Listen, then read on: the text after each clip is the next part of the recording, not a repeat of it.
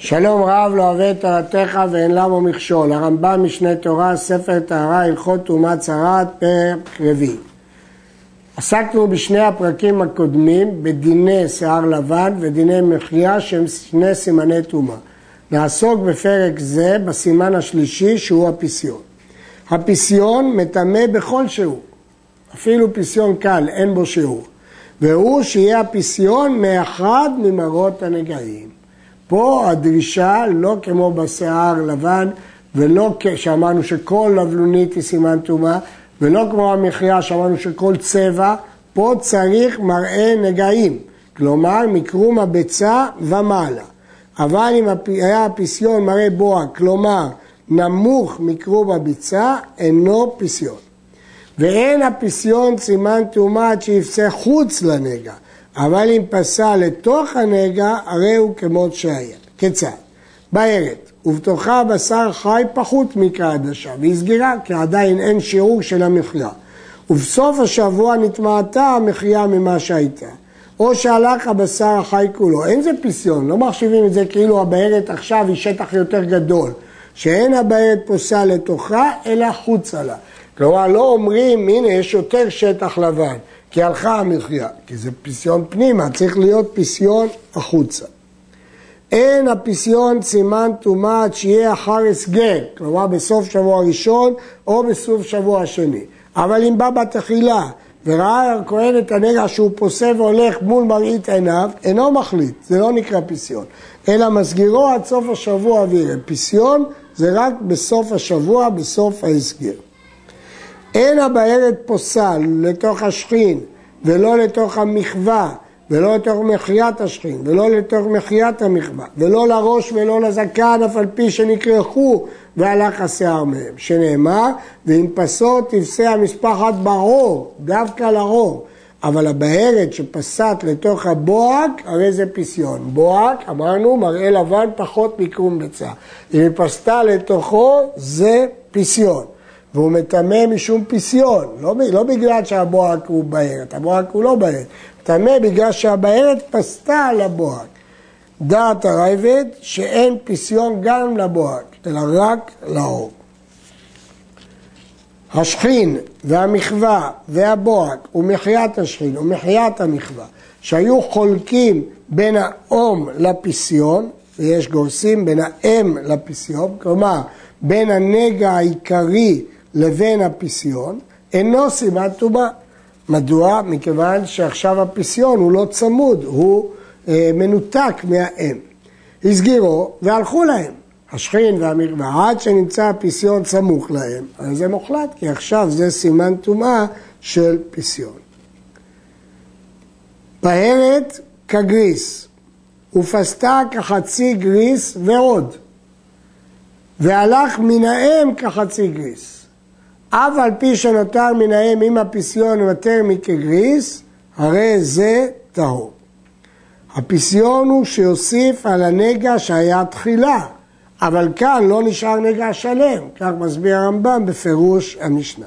הייתה כגריס ופסד כגריס ועוד, והלכה לה האם, תראה כתחילה, ויסגיר שבוע אחר שבוע, כי אין פה אם, אותה סיבה שאמרנו קודם. הייתה בו בערת והסגירו, והלכה בערת בסוף ימי ההסגר, קודם שפטרו אותו. כך צריך לפרש. וחזרה בערת במקומה כמות שהייתה, הרי היא כמות שהייתה. עכשיו יש בערת, אז שוב יש הסגר.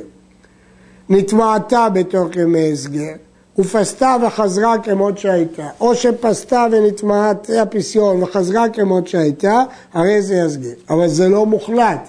כי פסיון זה דווקא בסוף השבוע של ההסגר. בערת כגריס ופסתה כגריס ונולד בפסיון מחיה או שיער לבן והלכה לאם תראה בתחילה. היא פסתה ובפסיון נולד מחיה, אז לכאורה בגלל הפסיון היינו צריכים לטמא, אבל האם הלכה, אז אי אפשר לטמא. אבל לכאורה למה לא נטמא עכשיו מדין המחיה או שיער לבן שנמצאים בפסיון? הרי נגע שיש בו כגריס, יש לו מחייה או שיער לבן, הרי הוא טמא, ופה אמרת שהפסיון הוא כגריס, ויש בו נגע, מחייה ויש בו שיער לבן, אז למה תראה בתחילה? מוכרחים לומר שפה אין את תנאי הסימנים במחייה ובשיער לבן. אין בהם את כל התנאים המתמים, כגון שהנגע השני מקיף את המחייה וכדומה. זה קשה, אבל כך מוכרחים לומר. הייתה בו בארץ כגריס והסגירו, ובסוף השבוע הרי היא כסלע. ספק שהיא היא, ספק שאחרת באה תחתיה, הרי זה טמא. כלומר, אנחנו לא יודעים האם זה הראשונה והיא פסתה, ואז בוודאי שזה טמא, או שזאת בכלל אחרת, אז אין פה פסיון. אז בכל אופן, אנחנו מניחים שזה פסיון וטמא. למרות שההלכה היא שכל ספק נגעים טהור, פה יש אה, רעותה, כי הייתה בהרת בהתחלה. בהרת כגריס, וחוט יוצא ממנה. אם יש בו רוחב שתי שערות, זוקקה לשיער לבן ולפסיון, אבל לא למחיה. שאין המחיה סימן טומאה שתקיף אותה בהרת, ויהיה בין סוף המחיה וסוף הבארת רוחב צמיחת שתי שערות. היו שתי בערות, וחוט יוצא מזו לזו, אם יש בו רוחב שתי שערות, מצרפן, ואם לאו אינו מצרפן. נסביר את שתי ההלכות. בהלכה הראשונה, חוט יוצא מהבארת, ויש בו רוחב שתי שערות. אם יהיה בו שיער לבן, או יהיה בו פסיון, זה כאילו שבבארת יש שיער לבן ובפסיון. אבל אם יהיה בו מחיה, זה לא יועיל. כי המחיה יש לה תנאים שהיא תהיה באמצע הבארת ושיהיה ביניהם רוחב שתי שערות.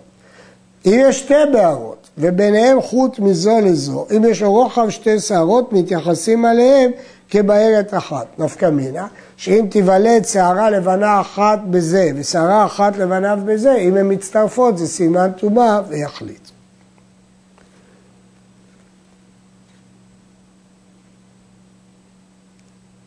הסגירו שבוע אחר שבוע ולא נולד לו סימן טומאה, ופטרו. ולאחר הפטר פסע נגע כלשהו, הרי זה מוחלט.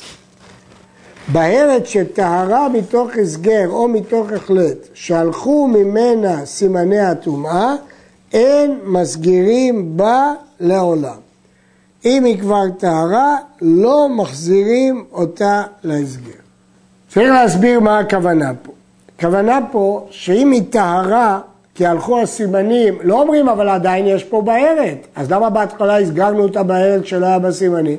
אז גם עכשיו נסגיר אותה. לא, כיוון שהלכו סימני הטומאה, מתארים אותה. ויש אומרים שהחידוש הוא שאפילו שהשתנתה בין המראות, מצמר הלבן לסיד ההיכל, בכל זאת אנחנו לא מסגירים מחדש. בהרת שכנסה אחר הפטר, היא הייתה פטורה, פטור, ואחר כך היא כנסה, ופסתה לכמות שהייתה. או שפסתה וחזרה לכמות שהייתה. הרי הוא בטהרתו. כיוון שטיהרנו, עכשיו הפסיון בא אחרי הטהרה זה לא כלום, כי אמרנו כבר שפסיון נמדד רק בסוף שבוע של הסגר. וכיוון שבסוף השבוע של ההסגר לא היה פסיון, זה שאחר כך יש פסיון, זה לא יועיל שום דבר. רייבד אומר שאם זה נגע גדול כגריס, הבארת טמאה, הדברים האלה לא מובנים פה, ויש אומרים שההשגה הזאת לא שייכת לכאן בכלל. בהרת כגריס, ובא מחיה כעדשה, שזה סימן טומאה, ושיער לבן בתוך המחיה, והחליטו, כי יש בו סימן טומאה. לאחר החלט, הלכה המחיה, אבל יש סימן טומאה אחר, שיער לבן, טמא מפני שיער לבן. הלך השיער לבן, טמא מפני המחיה. היה השיער לבן בתוך הבארת, והלך השיער הלבן, טמא מפני המחיה. הלכה המחיה, טמא מפני שיער לבן. בערב הובא מחיה ופסיון, בסוף שבוע של הסגר. הלכה המחיה, טמא מפני הפסיון. הלך הפסיון, טמא מפני המחיה, וכן בשיער לבן ופסיון.